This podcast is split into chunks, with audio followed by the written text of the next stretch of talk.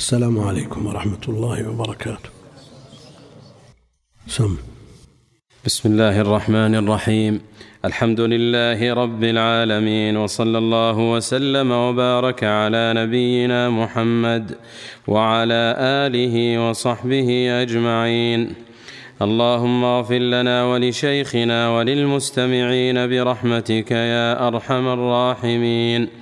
قال الإمام المجدد رحمه الله تعالى باب ما جاء في الاستسقاء بالأنواء.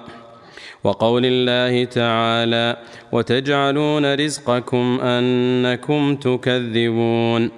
وعن أبي مالك الأشعري رضي الله عنه أن رسول الله صلى الله عليه وسلم قال أربع في أمتي من أمر الجاهلية لا يتركونهن.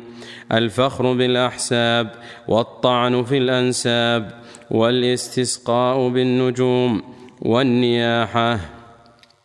وقال النائحة إذا لم إذا لم تتب إذا لم تتب قبل موتها تقام يوم القيامة وعليها سربال من قطران. ودرع من جرب. رواه مسلم. ولهما عن زيد بن خالد رضي الله عنه قال صلى لنا رسول الله صلى الله عليه وسلم صلاة الصبح بالحديبية على إثر سماء كانت من الليل. فلما انصرف أقبل على الناس فقال هل تدرون ماذا قال ربكم؟ قالوا الله ورسوله أعلم. قال قال أصبح من عبادي مؤمن بي وكافر. فأما من قال مطرنا بفضل الله ورحمته فذلك مؤمن بي كافر بالكوكب. وأما من قال مطرنا بنوء كذا وكذا فذلك كافر بي مؤمن بالكوكب. ولهما من حديث ابن عباس معناه وفيه. قال بعضهم لقد صدق نوء كذا وكذا فأنزل الله هذه الآية فلا أقسم بمواقع النجوم إلى قوله تكذبون. فيه مسائل. الأولى تفسير آية الواقعة. الثانية الأربع التي من أمر الجاهلية. الثالثة ذكر الكفر في بعضها. الرابعة أن من الكفر ما لا يخرج من الملة. الخامسة قوله أصبح من عبادي مؤمن بي وكافر بسبب نزول النعمة. السادسة التفطن للإيمان في هذا الموضع. السابعة التفطن للكفر في هذا الموضع. الثامنة التفطن لقوله لقد صدق نوء كذا وكذا. التاسعة إخراج العالم التعليم للمسألة بالاستفهام عنها. لقوله أتدرون ماذا قال ربكم؟ العاشرة وعيد النائحة. الحمد لله رب العالمين وصلى الله وسلم وبارك على عبده ورسوله نبينا محمد وعلى اله واصحابه اجمعين اما بعد. فيقول المؤلف رحمه الله تعالى باب ما جاء في الاستسقاء بالانواء من التحريم وتعظيم شأنه وأنه جاء اطلاق الكفر عليه والأنوى هي النجوم لأنه في الحديث اللاحق قال والإستسقاء بالنجوم تحت هذه الترجمة. فالحديث مفسر للترجمة وإن كان النوء يطلق ويراد به غير النجم. قال رحمه الله وقول الله تعالى وتجعلون رزقكم أنكم تكذبون يعني الرزق يحتاج إلى شكر لأنه نعمة. لأنه نعمة من نعم الله جل وعلا يمتن بها على عباده. فالواجب شكرها شكر المنعم بها. وصنيعهم في مقابل الشكر الضد التكذيب. في مقابل الشكر التكذيب ونسبة هذه النعمة إلى غيره جل وعلا. فهذا كفر في مقابل الشكر وتجعلون رزقكم أنكم تكذبون. وعن أبي مالك الأشعري رضي الله عنه أن رسول الله صلى الله عليه وسلم قال أربع من أمتي من أمر الجاهلية. سياق سياق ذم. وجاء النبي عليه الصلاة والسلام بمخالفة أهل الجاهلية. وللإمام المجدد رسالة جمع فيها أربعا وعشرين ومئة من الأمور التي خالف فيها رسول الله صلى الله عليه وسلم أهل الجاهلية. فبعضهم كتاب اسمه مسائل الجاهلية التي خالف فيها رسول الله صلى الله عليه وسلم أهل الجاهلية وبعض أهل العلم يعكس. فيقول خالف رسول الله صلى الله عليه وسلم أهل الجاهلية. فمن المخالف ومن المخالف؟ هو الذي خالفهم. يعني باعتبار أنهم هم الأصل وجاءوا خالفهم.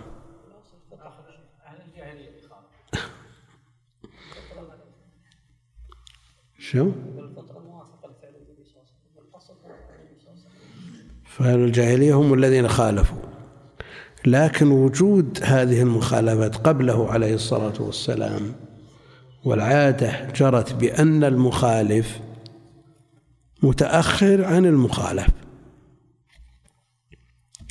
لكن باعتبار أن الرسول عليه الصلاة والسلام جاء بما يوافق الفطر وهم خالفوا الفطر فيكون هم المخالفون له وهو الأصل عليه الصلاة والسلام.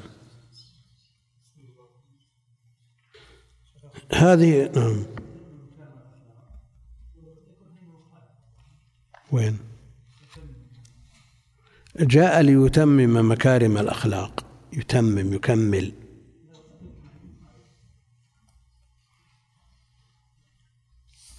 لا شك أن الأصل هي الأخلاق الحميدة والأخلاق الجميلة والأخلاق الحسنة. وهم خالفوها. خالفوها.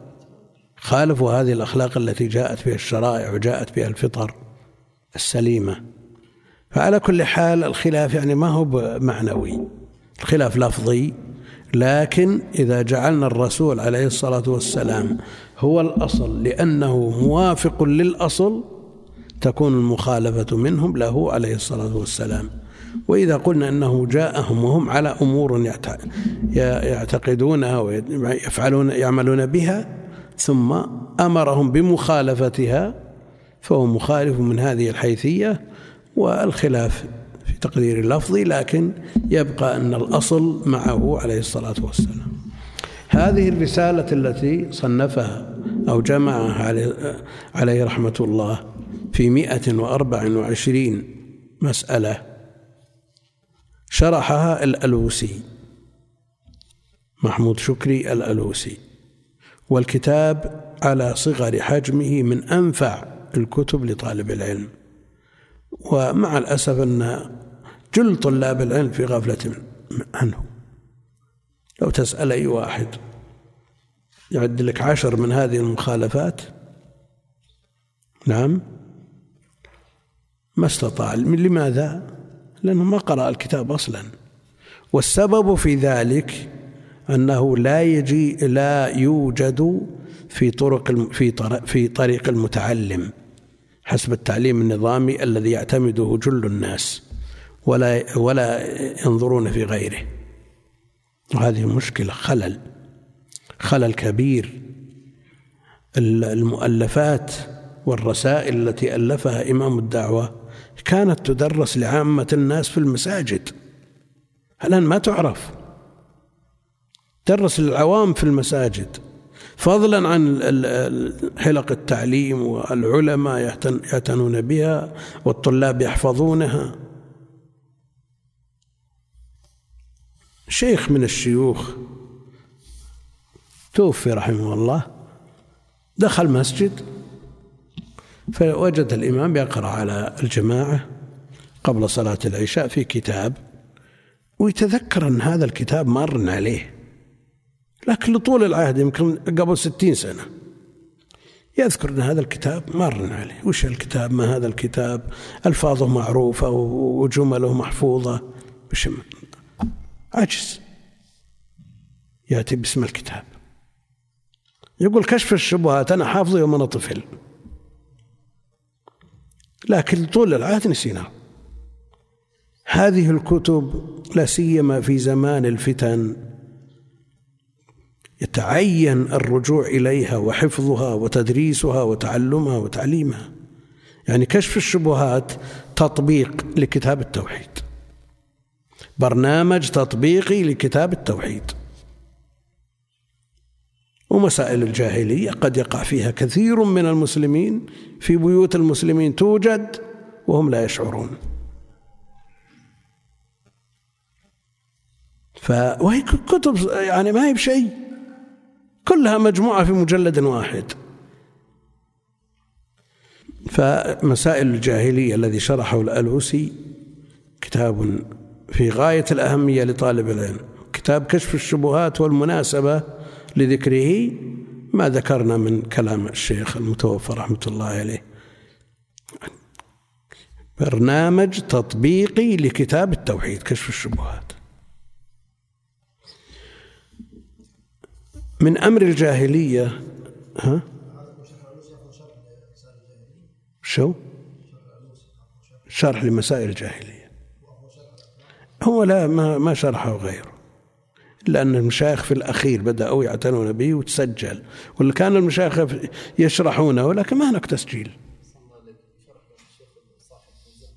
موجود الآن شروح متأخرة. موجود لكن قبل مشروع شروح مطبوعة حتى الشرح الألوسي حقق في في مجلدين. وزيد عليه وأضيف عليه أشياء. لكن عناية طلاب العلم صفر. أربع من أمتي من أمر الجاهلية وإذا قيل من أمر الجاهلية التي يراد بها ما قبل الإسلام. ما كان يتداولها الناس ويفعلونها قبل الإسلام وإذا وجدت أو وجد بعضها في بعض الأقطار قيل فيهم جاهلية. وجاء في الحديث الصحيح أن أبا الدرداء أن أبا ذر عير امرأ بأمه فقال له يا ابن السوداء. فقال النبي عليه الصلاة والسلام إنك امرؤ فيك جاهلية. وهل يلزم من ذلك أن يكون جاهليا؟ لا. لكن من كان قبل الإسلام ولم يكن على الحنيفية ملة إبراهيم يقال جاهلي. امرؤ القيس جاهلي. وهكذا يعني أنه جاهلي مطبق لما, لما تعتقده الجاهلية بحذافيره. لكن إذا إذا وافقهم في مسألة أو في مسائل يسيرة يقال فيه جاهلية ولا يقال جاهلي. كما قال النبي عليه الصلاة والسلام لأبي ذر وقل مثل هذا إذا وافق شخص وافق المعتزلة في مسألة. منذر ابن سعيد البلوطي لما وافق المعتزلة في القول بفناء الجنة والنار ما يقال معتزلي. إنما يقال فيه اعتزال. وكذلك إذا وافق الأشعرية كذلك ما يقال أشعري وإنما يقال فيه فيه تمشعر. وهكذا وجدت مظاهر الجاهلية في كثير من بلدان الإسلام, الإسلام. والآن تدخل العواصم الإسلامية ومع ذلك لا تجد فرقا بينها وبين عواصم الكفر في الظاهر. ما في شيء يدل على أن هذا البلد إسلامي. يعني وقت الصلاة الناس في أعمالهم ووقت الصيام الناس يأكلون في الأسواق والنساء تبرج مثل تبرج الكافرات مثل تبرج الجاهلية الأولى. تبرج الجاهلية الأولى المنصوص عليه في القرآن موجود بحذافيره الآن. يقول القرطبي يقول ومن مظاهر تبرج الجاهلية الأولى شق القميص من الجانبين. في بيت يخلو, يخلو من هذا إلا ما ندر إلا من رحم ربك. شق القميص من من جهة الساقين. مشكلة الذي يعرض في الأسواق كله من هذا النوع أو جله. ويضاف إليه فيه صور وفيه عري من جهات أخرى. هذه من أعمال الجاهلية لكن ما يقول هؤلاء جاهليون. خلافا لمن صنف في جاهلية القرن العشرين يعني كل القرن العشرين كل جاهلية. صحيح؟ لا. فيه خيار وفيه طلاب علم وفيه عباد وفيه نساك وفيه نساء صالحات. لكن يوجد فيه جاهلية. فالقرن فيه جاهلية والذي قبله فيه جاهلية. وقد يوجد في بعض القرون المتوسطة حتى في الأمة الإسلامية فيهم شرك ظاهر. ويوجد الآن مثل ذلك. لكن التعميم مشكل. يعني هل اليهود والنصارى مشركون أو فيهم شرك؟ مشركون. لم يكن الذين كفروا من أهل الكتاب والمشركين. كلهم كفار بلا شك يعني حينما يناقش موضوع اليهود والنصارى هم مشركون أو فيهم شرك يعني ليس معناه أنهم قد تنالهم رحمة. هم كفار على كل حال. لكن الذي قرره الحافظ بن رجب أنهم فيهم شرك. فيهم شرك. يعني هل الذي يقول لا إله إلا الله ويوجد عنده بعض الشركيات ينقض لا إله إلا الله ببعض الشركيات؟ هل هو مثل الذي يقول أجعل الآلهة إلها واحدا؟ يرفض أن يقول لا إله إلا الله؟ لا يستويان وإن كان هذا في شرك يقتضي خلوده في النار. والخلاف لفظي يعني هل هم مشركون أو فيهم شرك؟ هم كفار على أي حال. لكن ابن رجب يرتب على ذلك مسائل مسائل عملية. فإذا قلنا مشركون الأصل أن لا يجوز نكاح نسائهم. إلا بمخصص وجد المخصص. وجد المخصص. وإذا قلنا فيهم شرك ما نحتاج إلى تخصيص لأنهم غير مشركين بل فيهم شرك. في مسائل يذكرها أهل العلم ودقائق يطول بها الشرح لكن هذه إشارات. أربع من أمتي من أمر الجاهلية لا يتركونهن. يعني هل الآن من أمر الجاهلية فقط الأربع؟ أو أمور الجاهلية كثيرة جدا قد لا يستطاع حصرها لكن هذه التي وصفت بكونها لا تترك. هذه اختصت بأنها لا تترك. الفخر بالأحساب. الفخر بالأحساب. وهذا موجود ويزيد في وقت وينقص في وقت ويزيد في بلد وينقص في بلد. كل أو جل كثير من الناس يفخر بحسبه. والطعن في الأنساب. تجد في حال المفاخرة وهذا موجود في الجاهلية بكثرة. والفخر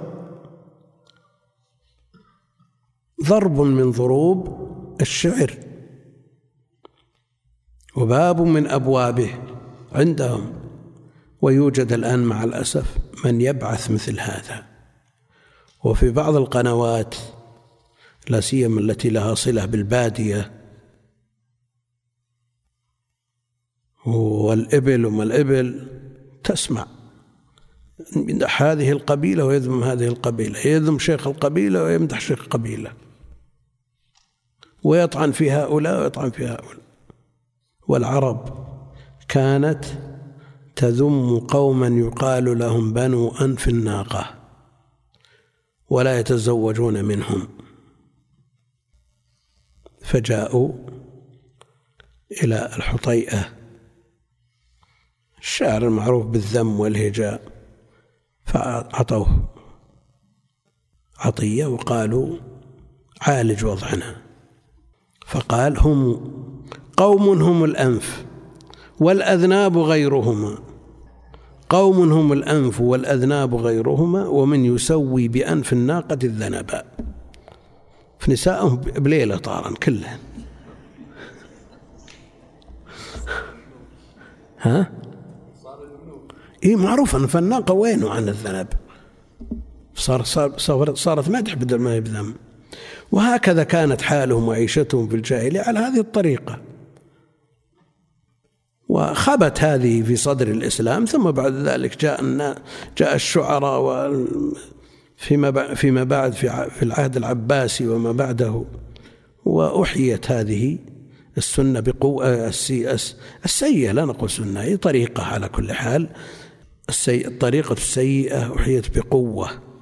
صاروا يتفاخرون والشعراء يعقد لهم مجالس عند الأمراء وغيرهم وهناك الأعطيات والتكسب بالشعر لمدح فلان وذم فلان. نعم. لا هو بيان الحق ما في إشكال.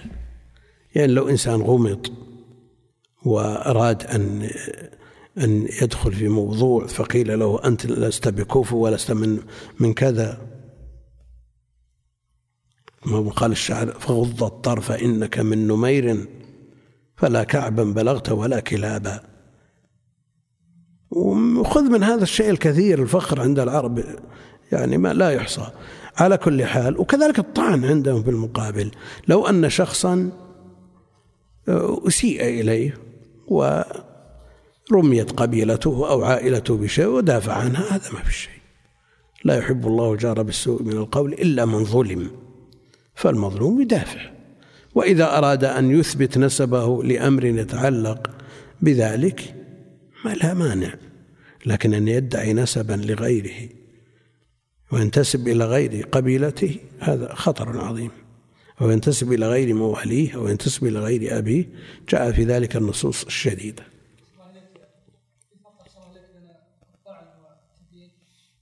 شو؟ تبيين؟ لا الطعن لذات الطعن. لكن لو ادعى شخص أنه من قريش أو من قبيلة كذا وهو لا أصل له. مثلا. وغش الناس غش أناس بيتزوج منهم. وهذا الأمر معروف عرف عندهم أنهم لا يزوجون من كان بهذه الصفة وإن كان في الشرع ما في شيء. ما في شيء إطلاقا والنكاح صحيح لكن لابد أن يكون الناس على بينة. فضباعة بنت الزبير بن عبد المطلب الزبير بن عبد المطلب عم الرسول عليه الصلاة والسلام الشقيق.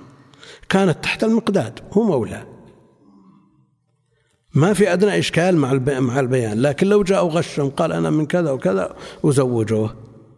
وجاء من من ينقض هذه الدعوة لأنه يترتب عليها مشاكل. ومعروف وضع الناس. هذا البيان مطلوب. على كل حال الفخر بالأحساب والطعن في الأنساب لا تترك وهي موجودة وتقوى وتضعف. تجدون في بلد يقفون عند هذه المسألة وقوفا قد يصل إلى السلاح في مسائل النكاح. وأنا أعرف واحد من من كبار أهل العلم من كبار أهل العلم والعمل والعبادة وكذا جاء شخص ذو نسب فأهدى إليه بنته هو المتقدم إليه.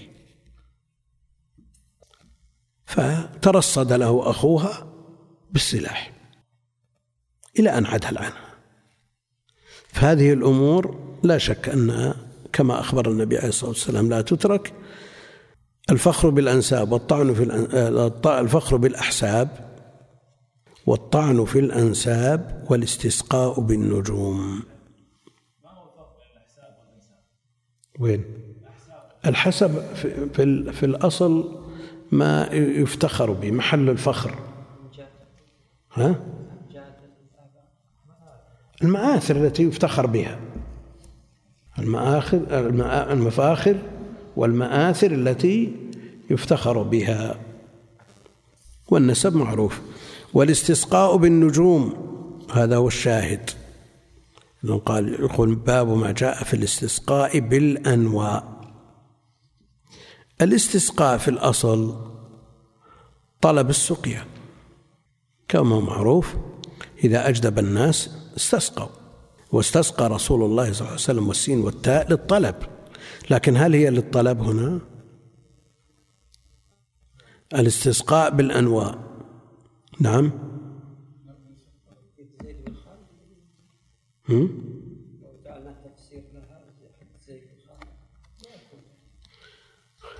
هو ليس بطلب. لكن إذا قلنا طلب نعم إذا قلنا أنه طلب استسقاء بالأنواء يعني يجعل الأنواء وسيلة يتوسل بها للسقيا ها؟ يخرج عن الباب موضوعنا.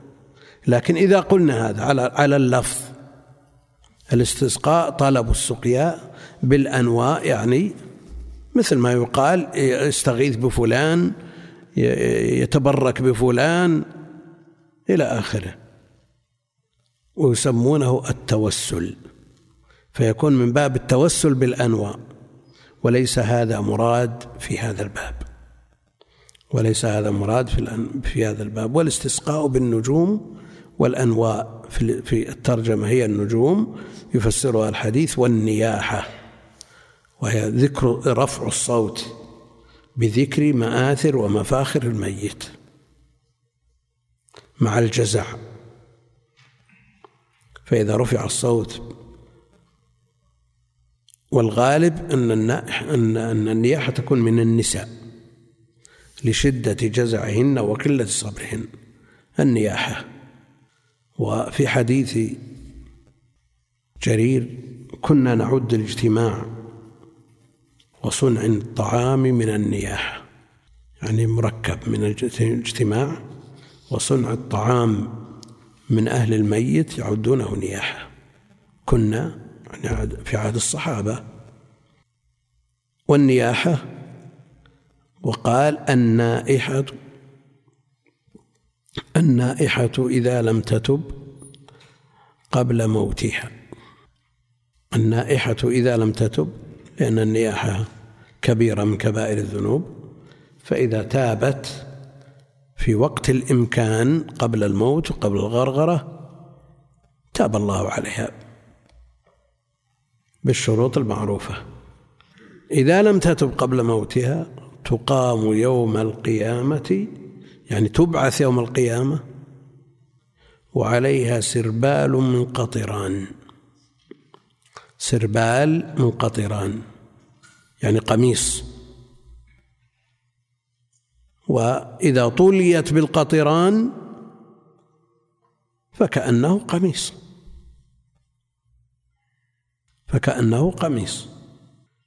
لو يأتي شخص عاري فيدهن بشيء كثيف كالبويه مثلا طلي ببويه مثلا. صح أن يقال هذه البويه قميص لأنها سترت جسمه. لكن هل هذا الستر مجزي وكافي لا عليها سربال تقام يوم القيامة يعني تبعث يوم القيامة وعليها سربال من قطران القطران هل يطاق؟ هل يطاق القطران الدهان الذي تدهن به الإبل من الجرب ويباع في الأسواق. ها؟ مش يخففون ويأخذون بالفنجان في سطل كبير ويطلى به البعير ولا يطيقه. لا بس يربط علشان ما يفر من شدته. أمر عظيم يعني آه، محرق.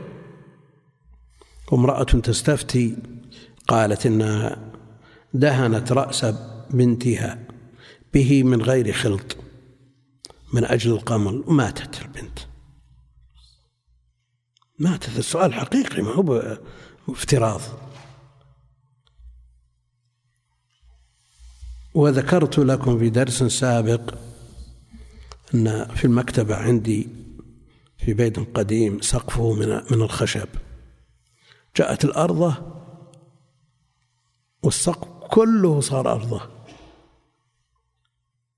فجبت الجرة هذه اللي فيها هذا العلاج للجرب فتحت غطاءها ووضعتها في المكتبة. من غير أي تصرف ما رشينا ولا سوينا شيء بس وضعته على الأرض. يوم جيت من الغد إلى الأرض اللي بالسقف إلا بالأرض. ماتت كلها ونزلت من شدته. ولذلك يقول عليها سربال من قطران. والبنت دهن رأسها منه من غير خلط. ماتت البنت. هو درع من جرب. يعني القطران لعلاج الجرب. لكن تصور أن القطران وضع عليها قبل الجرب. ثم أتي بالجرب بعده. وهو سريع الاشتعال. قوي مؤلم شديد الألم وسريع الاشتعال. فإذا طليت بهذه الأشياء وأدخلت النار شو بيصير؟ شو يصير وضعه؟ عذاب ونكال شديد ومع الأسف أننا نسمع أنه في البلدان المجاورة يستأجر نساء للنياحة يستأجر نساء للنياحة ويأتينا بعض الكتب المستعملة وفيها وثائق. تجد أوراق في هذا الكتاب القديم وهو موروث عن شخص من من من القراء وتجد فيه برنامج عنده جدول. اليوم القراءة في المأتم الفلاني وغدا القراءة بالأجرة يأخذ دراهم. إذا أبعد الناس عن الصراط المستقيم وصلت أحوالهم إلى هذا الحد. ولا شرفك الله بالقرآن. ثم تأتي إلى مثل هذه المواطن لتقرأ بالأجرة. تذل نفسك كأنك تشحذ. يعطون ملاليم يعطون. ما يعطون شيء نسوة أنا أشوف الأجرة مكتوبة بالجدول ملاليم. فكيف يذل الله يرفعه بالقرآن ويذل نفسه؟ ببدعة. ببدعة. فمثل هذه الأشياء موجودة في الأقطار. تعرفون عنها شيء؟ ها؟ موجودة النياحة موجودة خفات. الحمد لله. وأنتم؟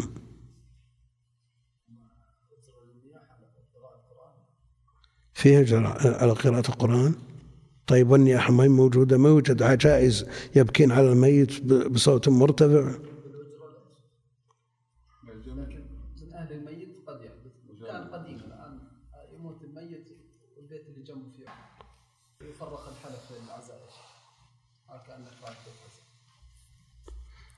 تدري شلون التناقض؟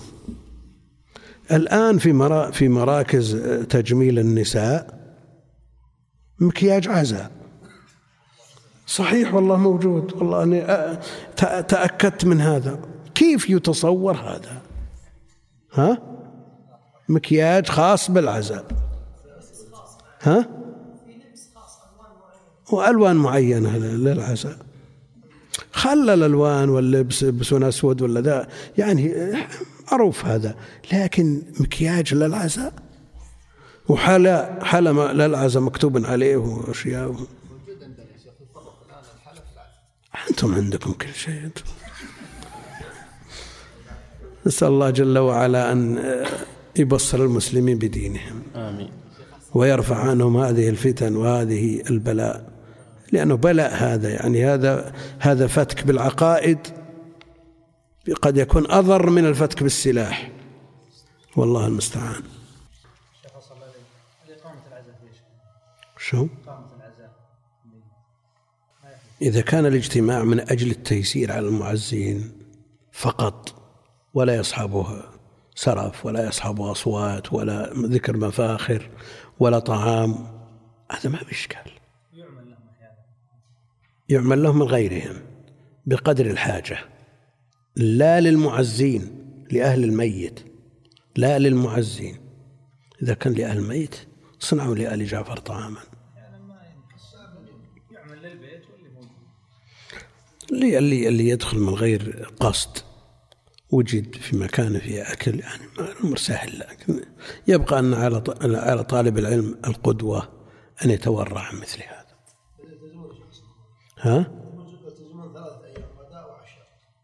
على كل حال يصنع لهم طعام بقدر حاجتهم لأنهم جاءهم ما يشغلهم. هذا له أصل.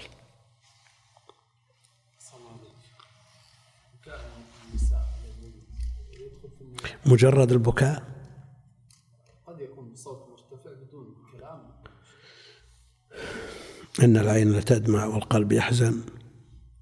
ما في شيء لكن المقصود رفع الصوت مع تعداد المحاسن والجزع وشق الجيب ونتف الشعر وما أشبه ذلك. كله نياح. ها؟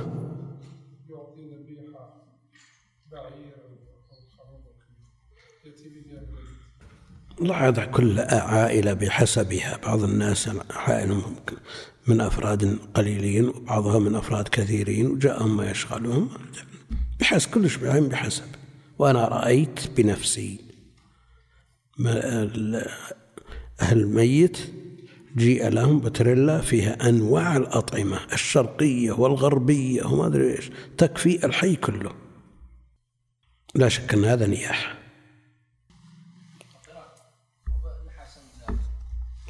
نعم.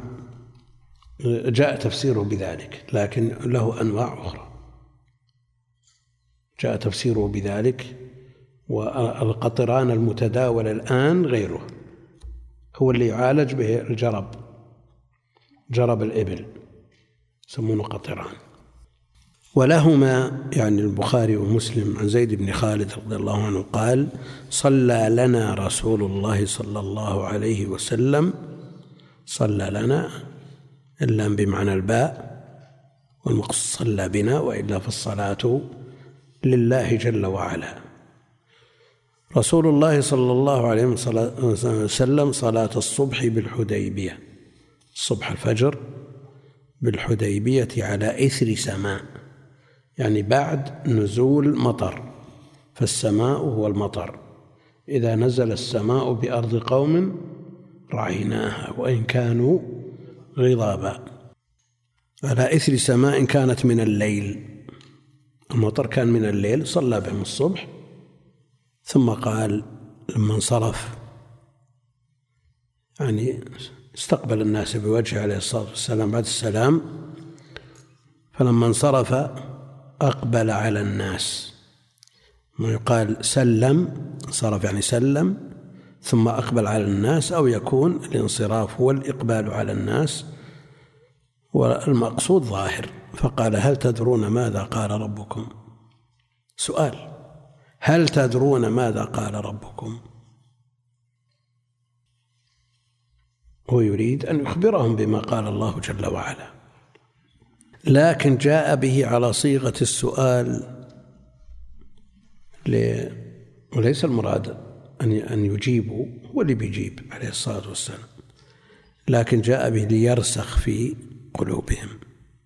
هل تدرون وطريقة التعليم على صفة السؤال والجواب جاءت في حديث جبريل لما سأل النبي عليه الصلاة والسلام عن الإسلام والإيمان والإحسان. ثم قال هذا جبريل جاء يعلمكم دينكم. يعلمكم ما جاء ليستفيد. فالتعليم بطريقة الحوار السؤال والجواب من أنفع الطرق ولها أصل شرعي. هل تدرون ماذا قال ربكم؟ قالوا الله ورسوله أعلم. قالوا الله ورسوله أعلم. قال قال أصبح من عبادي مؤمن بي وكافر. قال أصبح من عبادي مؤمن بي وكافر. يقول الله جل وعلا في الحديث القدسي. فأما من قال مطرنا بفضل الله ورحمته فذلك مؤمن بي كافر بالكوكب. نسب النعمة إلى مستيها وموليها واعترف بها ظاهرا وتحدث بها وصرفها فيما يرضي الله جل وعلا هذا المؤمن بالله كافر بالكوكب. وأما من قال مطرنا بنوء كذا وكذا فذلك كافر بي مؤمن بالكوكب. إذا قال مطرنا بنوء كذا وكذا وجعل المؤثر والمثير للمطر والمنزل له. الكوكب هذا كفر أكبر مخرج عن الملة. لكن إن جعله سببا إن جعل الكوكب سبب. فهذا لا شك أنه جعل ما ليس بسبب سببا وهذا شرك. وبعضهم يقول شرك ويطلق وبعضهم يقول أصغر. وعلى كل حال سواء كان هذا أو ذاك يندرج تحت قوله مؤمن كافر بي مؤمن بالكوكب. لكن إذا قال مطرنا بنوء كذا وكذا ومراده الوقت في وقت كذا في وقت نوء كذا. كما يقال مطرنا بالمربعانية بالسهيل بالوسم. يعني مراده بذلك الوقت. مثل ما يقول مطرنا بشهر ربيع أول شهر ربيع ثاني إلى آخره. فهذا لا يصل إلى الحد الشرك, الشرك ولا الأصغر لكن يجب اجتنابه لأنه يدخل لفظا يدخل لفظا لا حقيقة ومعنى في ما دل الحديث على منعه كيف نقول على كلام شيخ الإسلام ابن تيمية في تضمين الفعل أولى عن تضمين الحرف شو؟ تضمين الفعل أولى وش تقول؟ إيش تبي تقول؟ يعني كيف شو بقول؟ يعني هنا صلاه هم؟ أنا قلت دعا لنا لا. هي صلاة بلا فعل بلا شك. كلام شيخ الإسلام كونه أولى لا يعني أنه مضطرد. لا يعني أنه مضطرد. في التضمين شيخ الإسلام يقول تضمين الفعل أولى من تضمين الحرف. قلنا أن اللا اللام مضمنة مضمنة معنى الباء فهي بمعناها ونائبة عنها وتقوم مقامها. لكن لو أمكن تضمين صلى بفعل يتعدى باللام لكان أولى لكن إذا لم يمكن لا مانع. فيه نصوص لا محيد عن تضمين الحرف فيها. نعم. صلى لنا. في بعض الأحاديث صلى لنا الرسول صلى الله عليه وسلم صلى لهم من أجل التعليم. هذا ظاهر. ولكن حتى الإمام الإمامة بهم ما هي لهم حتى الإمامة لهم بهم وليست لهم. ها؟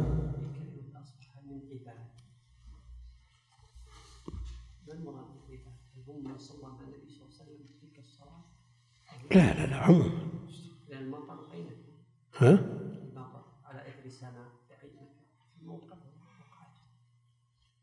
يعني هل المقصود به الكلام مقرونا بهذه الحادثة أو ما- ما على العموم؟ كل ما أمطر تصبح من العباد. يعني ما هو متكرر الكلام؟ هو متكرر فالحكم واحد. ولهما من حديث ابن عباس معناه وفيه قال بعضهم لقد صدق نوء كذا وكذا. فقال بعضهم لقد صدق نوء كذا وكذا. فأنزل الله هذه الآية فلا أقسم بمواقع النجوم إلى قوله تكذبون. وإنه لقسم لو تعلمون عظيم. فلا أقسم وإنه لقسم. لا هذه لا أقسم. هي؟ الأول من يقول بالقول بأنها زائدة والمعنى والأصل أقسم. الثاني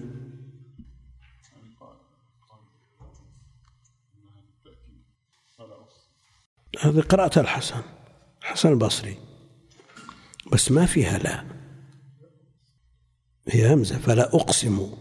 لام دخلت على أقسم. لام التأكيد دخلت على أقسم لكنها قراءة ليست ليست سبعية. قراءة الحسن شاذة.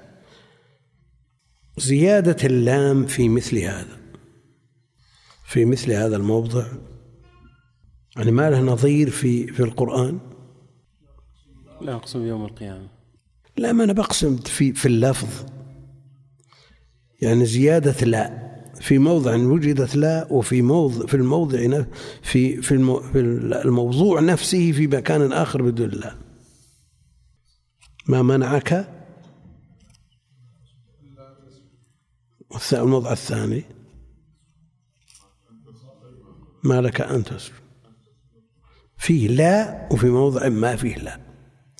مما يدل على أن زيادتها في مثل هذا وهي زائدة من حيث اللفظ لا من حيث المعنى وإلا فالقرآن مصون عن الزيادة والنقصان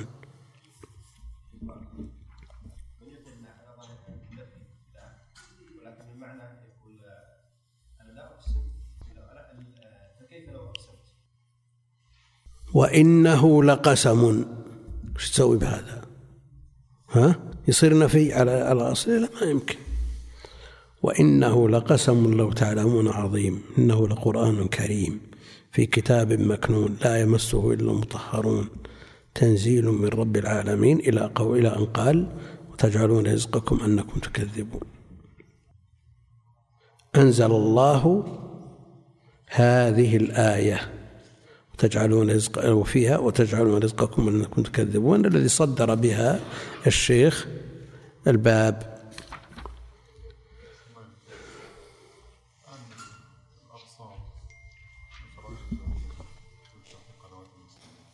أي يتوقعون يتوقعون أنه ينزل لكن ما يقول أنه ينزل الذي ينزله كذا وكذا.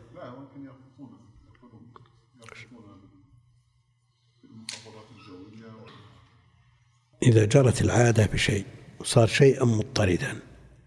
نعم. الآن الرياح اللي يقولون بعد آه، في منتصف الليل بيجي ريح؟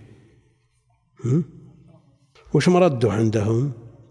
رد- مردهم أنه موجود في مكان كذا وبينك وبين المكان مسافة كذا وسرعة الريح كذا. أنت إذا ركبت سيارك ها؟ وأنت متعود أنك تمشي مئة. نعم. وبينك وبين البلد اللي أنت قاصده مئة كيلو أو مئتي كيلو أو ثلاثمائة كيلو. ما تقدر أنك تبي تصل في الوقت الفلاني. هل يقال أنك أنت ما تعلم الغيب؟ هذه أمور مبنية على أشياء محسوسة عندهم وإن كنا نقول الاسترسال في مثل هذه الأمور لا ينبغي لأنه مشبه من وجه لكن ينبغي أن يترك الناس ما يذكرون بمثل هذه الأشياء. كما أن بعض الأمور التي كانت تظن غيبا أثبتت أثبت الواقع أنها مدركة بحساب ونحوه. والخلاف في معرفة وقت الكسوف والخسوف عند أهل العلم منهم من يقول ادعاء لعلم الغيب. ومعظم يقول يدرك بالحساب. ومع ذلك ثبت فيما بعد أن الحساب يأتي بها. تدرك به.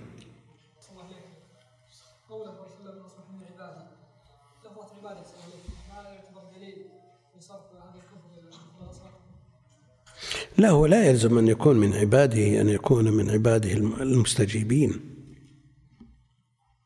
من عباده المستجيبين. كلهم عباد لله. كلهم عباد لله. فالكفر محتمل للأكبر والأصغر لكن ما في شك أن إذا سلم المعتقد من نسبة إنزال المطر للنجم أو للنوء فهو شرك أصغر وإذا قارنه ذلك ورأى هذا العبد الذي يقول هذا الكلام أن النوء هو الذي ينزل المطر ويؤثر هذا أكبر يقول فيه مسائل الأولى تفسير آية الواقعة وتجعلون رزقكم أنكم تكذبون. نعم.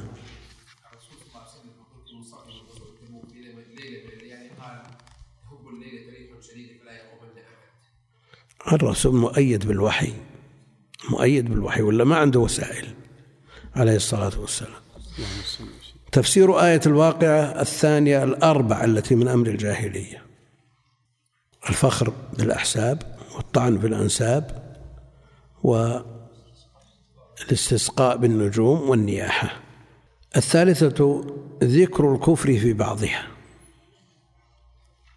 استسقاء بالنجوم تقدم ما يدل على أنه على أن التنجيم سحر. تقدم في أبواب مضت التنجيم سحر والسحر كفر. وهذه الأربع فيها ذكر الاستسقاء بالنجوم وهو نوع من التنجيم وأما الفخر بالأحساب والطعن بالأنساب والنياحة لا تصل إلى حد الكفر إلا عند الاستحلال. الرابعة أن من الكفر ما لا يخرج من الملة لأنه جاء ثنتان في الناس بهم كفر هما بهم كفر. هما؟ ها؟ نعم. الخامسة قوله أصبح من عبادي مؤمن بي وكافر بسبب نزول النعمة. يعني الأصل أن نزول النعمة يزيدك صلة بربك وأنت تبتعد بسبب هذه النعمة عنه. هذه من العجائب. السادسة التفطن للإيمان في هذا الموضع. يعني فيه مواضع تطيش فيها العقول وينسى فيها الإيمان. وقد يقول كلمة كفر وهو لا يشعر. فعلى المسلم أن يتفطن لإيمانه ولا يعزب عن قلبه. وعليه أيضا أن يتفطن للكفر ويحذر منه ويفر منه في كل حال وفي كل ظرف. الثامنة التفطن لقوله لقد صدق نوء كذا وكذا. لقد صدق نوء كذا وكذا.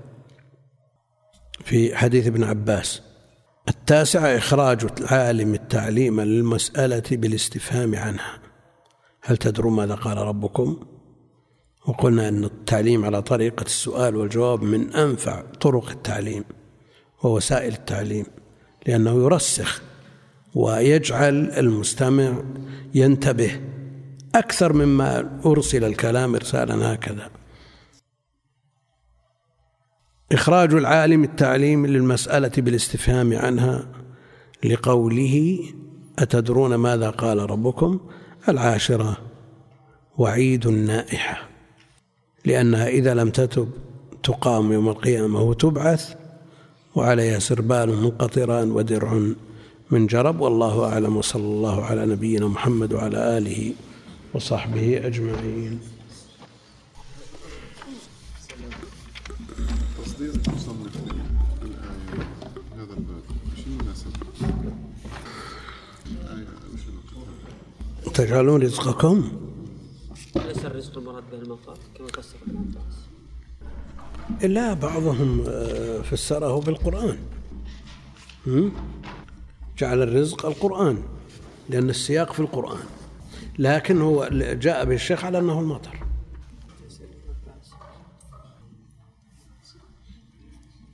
الإنسان قد يشعر بالفخر بما له واقع يعني هل مثل هذا؟ بس لا يترفع به على الناس. كونه يحمد الله جل وعلا أن جعله من من من صلب هذا الرجل الطيب ال- يعني من آل البيت أو كذا المهم. كونه من آل البيت وهم وصية النبي عليه الصلاة والسلام لا شك أن هذا رفعة. صلى الله شيخ قولهم إذا جاء السيل لا تعمل السيل لأن العادة جرت بذلك. ما في شيء. لا لأن السيل ينزل المطر. صلى الله عليك شيخ. الكتب اللي توزع من آه، رئاسة آه، في وزارة الشؤون الإسلامية. يجوز طالب العلم يكتب عليها اسمه أو ختمه يضع عليها ختمه إيه، لأن له اختصاص بها. ما يعتبر تملك. وإن لم يكن ملك لكن اختصاص.